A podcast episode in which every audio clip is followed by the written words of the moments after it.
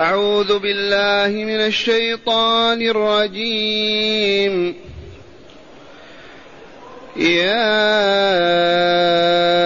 أيها الذين آمنوا ما لكم إذا قيل لكم انفروا إذا قيل لكم انفروا في سبيل الله اثاقلتم إلى الأرض. أرضيتم بالحياة الدنيا من الآخرة فما متاع الحياة الدنيا في الآخرة إلا قليل. إلا تنفروا يعذبكم عذابا أليما.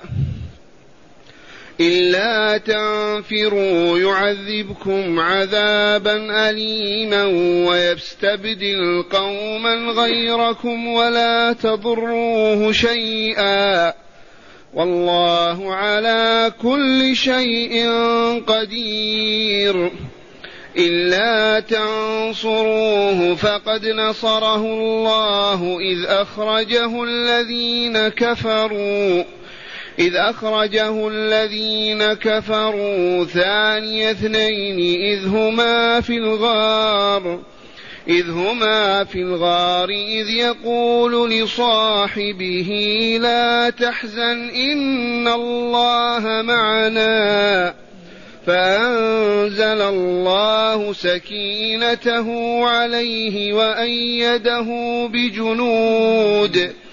وأيده بجنود لم تروها وجعل كلمة الذين كفروا وجعل كلمة الذين كفروا السفلى وكلمة الله هي العليا والله عزيز حكيم معاشر المستمعين والمستمعات من المؤمنين والمؤمنات.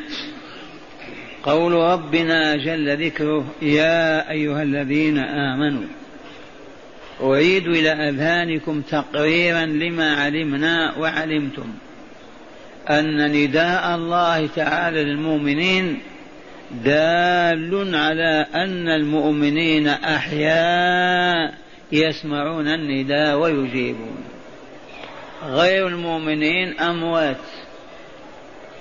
وعلمنا أن الله لا ينادينا إلا ليأمرنا بما فيه خيرنا وسعادتنا أو لينهانا عما فيه شقاؤنا وخسراننا لأنه ولينا أو ينادينا ليعلمنا ما نحن في حاجة إليه أو ليبشرنا بما يزيد في أعمالنا الصالحة. أو يحذرنا وينذرنا حتى نكف عن الأعمال السيئة الباطلة. فحاشاه أن ينادينا لا لشيء. تعالى الله عن اللهو واللعب. ها هدى تعالى ينادينا هنا. يقول يا أيها الذين آمنوا ما لكم إذا قيل لكم انفروا في سبيل الله. هذا لوم وعتاب. إذن اذكروا أن غزوة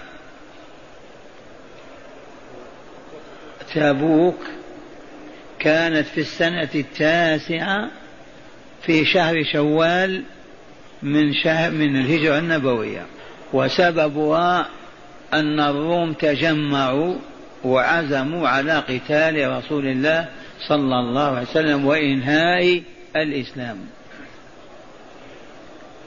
وجمعوا جموعهم وهيئوا جيوشهم وعزموا على أن يغزوا فبلغ ذلك رسول الله صلى الله عليه وسلم بالوحي الإلهي. فما كان منه إلا أن أعلن التعبئة العامة. النفير العام لا يتخلف عن غزوة تبوك أو غزو الروم إلا امرأة أو من كان مريضا أو ممرضا. أو من لم يجد ما يركب عليه ويتزود به. التعبئة العامة النفير العام. فقال تعالى يا أيها الذين آمنوا ما لكم إذا قيل لكم انفروا في سبيل الله اثاقلتم إلى الأرض. لأن السنة كانت سنة جدب وقحط وكانت سنة احتياج وفقر. هذه سنة تاسعة. إذا فتثاقل من تثاقل ومعنى تثاقل تباطأ عن الخروج كالذي يحمل حملا ثقيلا لا يقوى على حمله والمشي به. وهذا موجه إلى من حدث منهم هذا. ولكن من باب الستر على العموم يكون اللفظ عاما والله أعلم بمن لم يتثاقلوا. ما لكم أي شيء يجعلكم تتثاقلون؟ وهذا الاستفهام للعتاب والتقريع. ما لكم أي شيء يمنعكم؟ إذ ثاقلتم إلى الأرض لتسكنوا إليها وتبقوا فيها وإلى شهواتها وما فيها من متع ولذائذ أرضيتم بالحياة الدنيا؟ عن الآخرة. استبدلتم بالحياة الدنيا الآخرة. أو استبدلتم بالآخرة الحياة الدنيا. فرضيتم بالبقاء للأكل والشرب. أرضيتم بالحياة الدنيا من الآخرة. فما متاع الحياة الدنيا في الآخرة إلا قليل. ما نسبة هذه القلة؟ كالذي يغمس أصبعه في البحر ثم يخرجه ويزن كميه البلل كم تأتي. ذلك مثل الآخرة والدنيا. قلة لا حد لها. قالت العلماء وهذا حديث صحيح بمعناه. مثل الآخر إلى الدنيا كالذي يغمس أصبعه في البحر ثم يخرجه. كم كمية الماء علقت بصبعه بالنسبة إلى ماء البحر أو النيل فلا مناسبة أبدا. فما متاع الحياة الدنيا في الآخرة إلا قليل. والمتاع ما يتمتع به من الأكل والشرب والنكاح واللباس وما إلى ذلك. ثم قال لهم إلا تنفروا يعذبكم عذابا أليما. لأن الأمر كان تعبئة عامة لأنها التصفية للإسلام. إلا تنفروا الجزاء يعذبكم عذابا أليما. بالذل والهون بالفقر يسلط عليكم الكفار يدوسونكم بنعالهم ويذلونكم بجيوشهم ورجالهم كما فعلوا لما هبطت الأمة. يعذبكم عذابا أليما ويستبدل قوما غيركم. ويستبدل قوما غيركم يفتح الله عليهم قلوبهم بالإيمان ويؤمنون ويسلمون ويحملون لا إله إلا الله وينصرهم الله. وأنتم إلى جهنم. ويستبدل قوما غيركم ولا تضروه شيئا. أيضا افهموا هذا. لا تظنوا أنكم تضرون الله أو رسوله. بقعودكم عن الجهاد وترككم رسول الله يمشي مع مجموعة من المؤمنين وأنتم ماكثون في بيوتكم. من أجل لذائذها ومتعها. لا تضروه شيئا. والله على كل شيء قدير. ما أراد شيئا إلا كان كما أراده. يحيي ويميت يعز ويذل يعطي ويمنع ينصر ويهزم لأنه ذو الصفة العامة القدرة الكاملة التامة. وهذا كله تربية وتعليم لأولئك المؤمنين الذين حصل منهم بعض التباطؤ أو التثاقل. والآية عامة لو يأمر إمام المسلمين بالتعبئة العامة أو النفي العام تطبق الآية على الموجودين يومئذ وإلى يوم القيامة. ثم قال تعالى إلا تنصروا رسولنا محمدا صلى الله عليه وسلم في حربه مع الروم في غزوة تبوك. إن لم تنصروه إلا تنصروه فقد نصره الله من قبل. فقد نصره الله. متى؟ إذ أخرجه الذين كفروا ثاني اثنين. يشير إلى الهجرة المحمدية. تذكرون أن حكما صدر من من قريش برئاسة أبي سفيان رضي الله عنه بإعدام محمد صلى الله عليه وسلم. عقدوا مؤتمرهم في ناديهم وتبادلوا الرأي وصدر الأمر بقتل محمد صلى الله عليه وسلم. قالوا نفيه ما يجدي ولا ينفع. حبسه وسجنه كذلك. لا خلاص من هذه الفكرة أو الدعوة أو هذا التيار الذي هاجمنا إلا بقتل محمد صلى الله عليه وسلم. وما إن صدر الحكم عليه الصلاة والسلام حتى دبر الله له الهجرة. ومنها أنه اتفق مع أبي بكر الصديق رضي الله عنه على أن يعد له راحلة على حسابه صلى الله عليه وسلم. أي جملا بعيرا للركوب وخريتا يعرف الطرق وسبلها أي جغرافي. وكما علمنا وجلس في بيته ثم طوق بيته أربعون رجلا كل رجل يمثل قبيلة من قبائل قريش.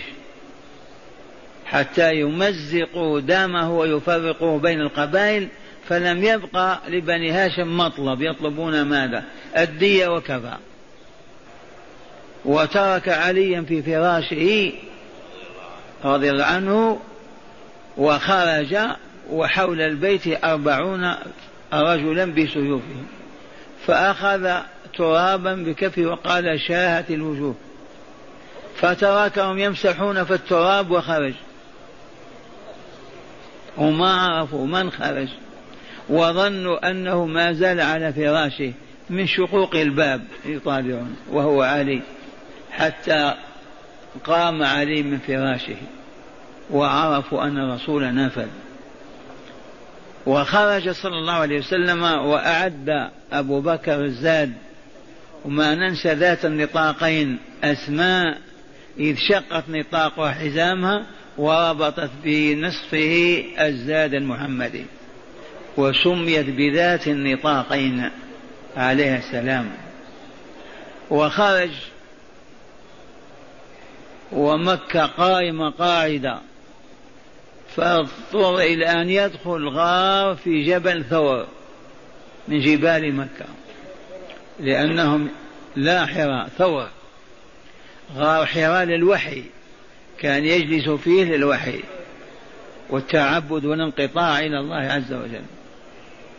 إذا وجاءت قريش تقلب الأرض قلبا حتى قال الصديق لرسول الله صلى الله عليه وسلم لو أن أحدهم رفع قدمه لرآنا. فقال صلى الله عليه وسلم يا أبا بكر ما ظنك باثنين الله ثالثهما؟ ما ظنك باثنين الله ثالث من يقوى عليهما. هذا معنى قوله إلا تنصروه في هذه المعركة فقد نصره الله متى إذ أخرجه الذين كفروا أي المشركين ثاني اثنين فقط. هو واحد والثاني. ثاني اثنين الأول رسول الله والثاني أبو بكر. إذ هما في الغار الغار معروف الثغر في الجبل والجبل معروف إلى اليوم جبل ثور.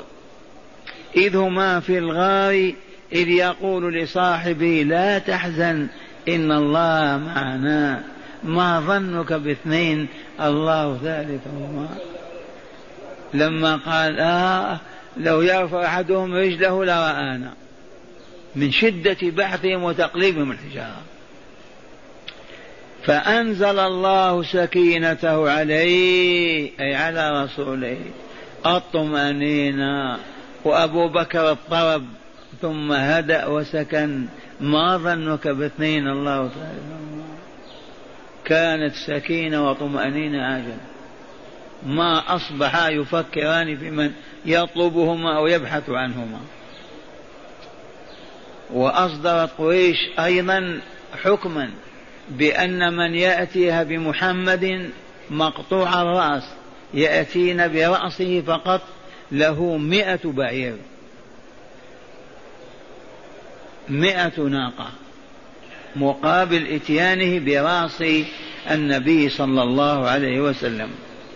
لا تحزن إن الله معنا فأنزل الله سكينته عليه وأيده بجنود لم تروها تريد أن ترى الجنود ما فعلت؟ قلبت قلوب المشركين وهزمته. وعادوا أذلة راجعين عن البحث وأيده بجنود لم تروها وجعل كلمة الذين كفروا السفلى. وكلمة الله العليا. كلمة الله هي دينه وشرعه هي العليا. ومن اللطائف التي يفتح الله بها على عباده لفتح علي بلطيفة. من يفكر فيها؟ وتتبعت التفسير ما في هذا.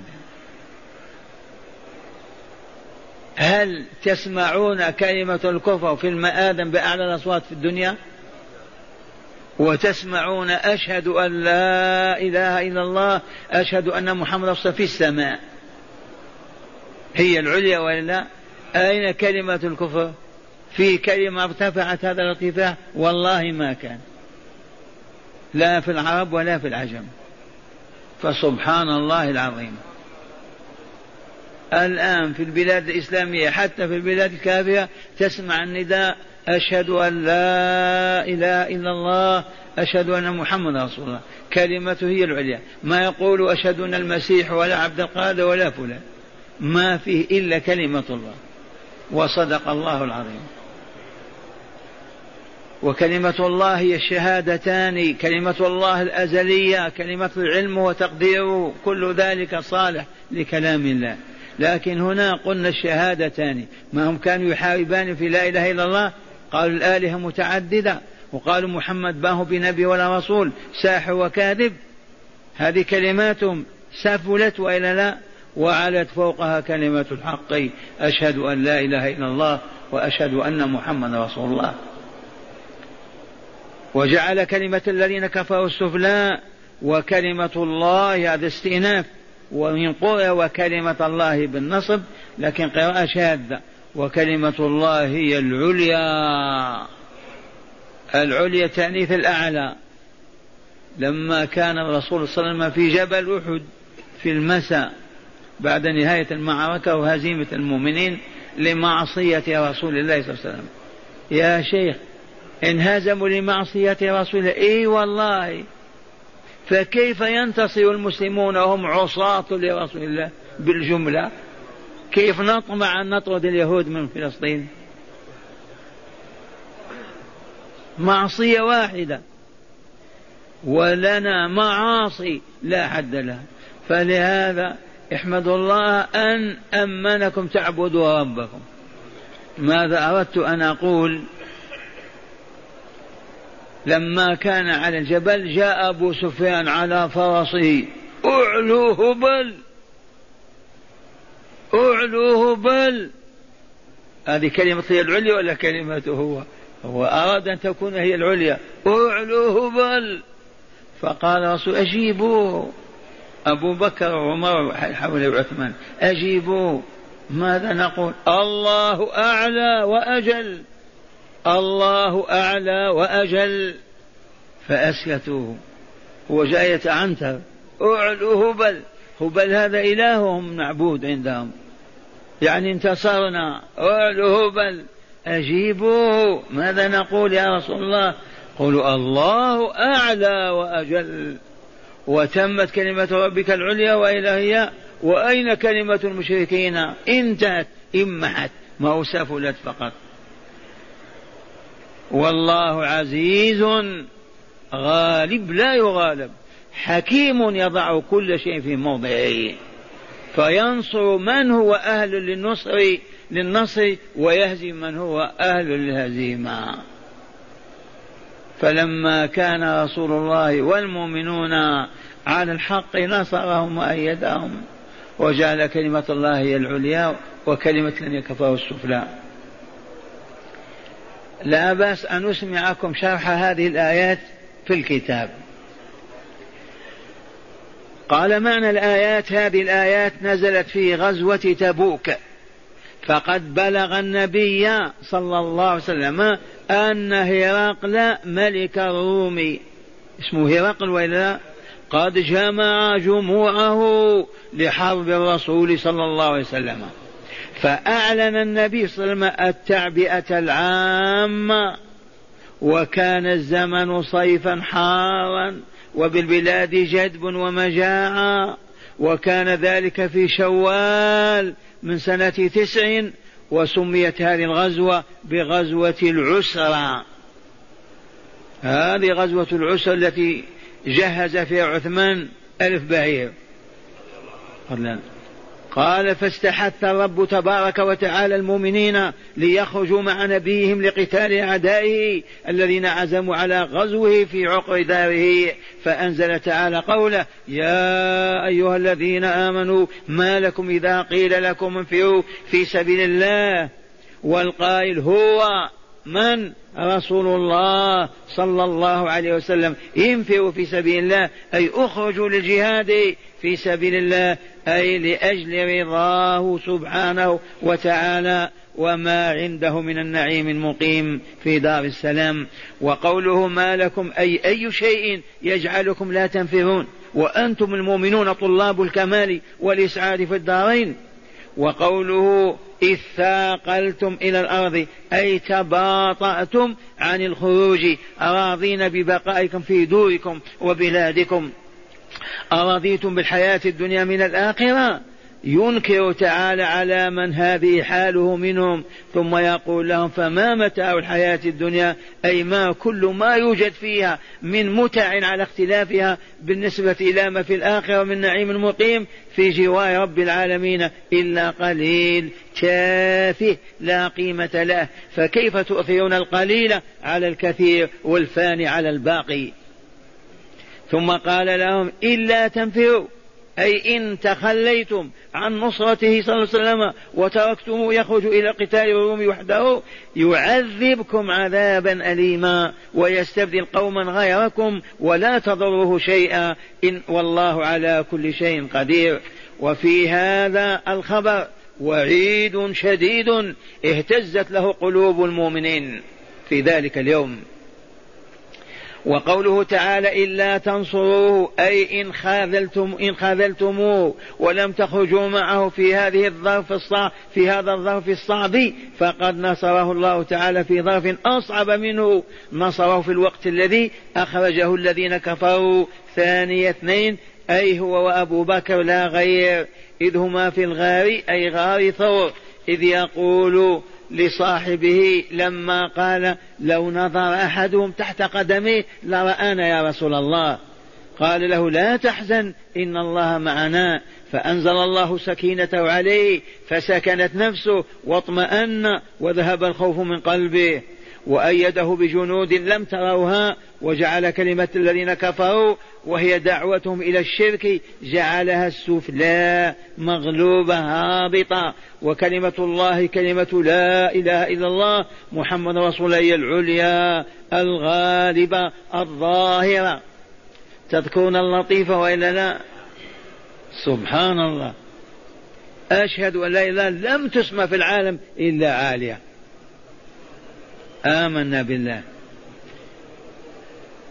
الغالب الظاهرة والله عزيز غالب لا يغالب حكيم في تصرفه وتدبيره ينصر من أراد نصره بلا ممانع ويهزم من أراد هزيمته بلا مغالب. إن شاء الله فهمتم هذه الآيات. تدارسناها. هيا مع نتائجها وثمارها ما يسمى بالهداية.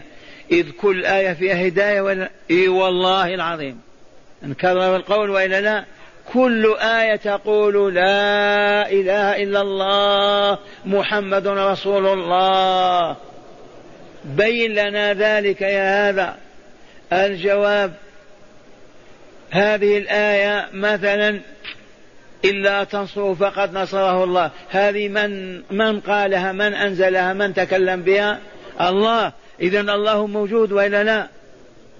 على من نزلت هذه الآية؟ على محمد بن عبد الله وإلا إذا هل هو غير رسول؟ وينزل عليه القرآن والله ما كان إلا رسولا. كل آية تشهد أن لا إله إلا الله وأن محمد رسول الله. قال من هداية الآيات أولا وجوب الخروج إلى الجهاد إذا دعا الإمام بالدعوة العامة وهو ما يعرف الآن بالتعبئة العامة أو النفير العام. ثانيا يجب أن يكون النفي في سبيل الله لا في سبيل غير سبيله تعالى. لا في الطين والتراب والحكم والسلطان ولكن من أجل أن يعبد الله عز وجل وينصر أولياءه. ثالثا بيان حقارة الدنيا وضآلتها أمام الآخرة. ما قال إلا, إلا قليل. رابعا وجوب نصرة رسول الله صلى الله عليه وسلم في دينه في أمته في سنة. الآن يجب أن ننصر رسول الله.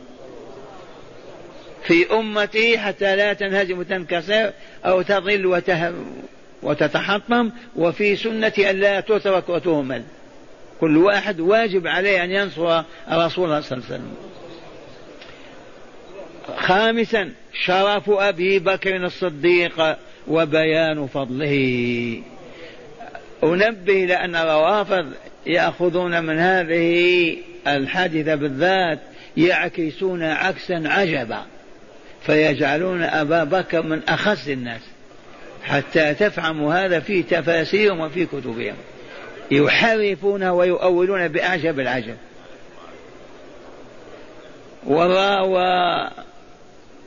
والخوارج في علي لما جعله الرسول في فراشه وقال اجلس بدلي يتخذون منها كذلك ما كفروا به من ذم علي واحتقاره.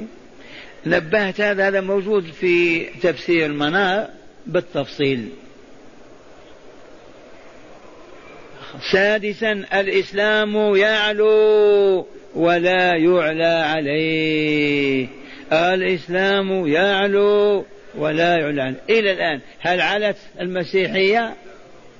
أصحابها مجرمون كفر فجار يأكلون أموال الناس بالباطل.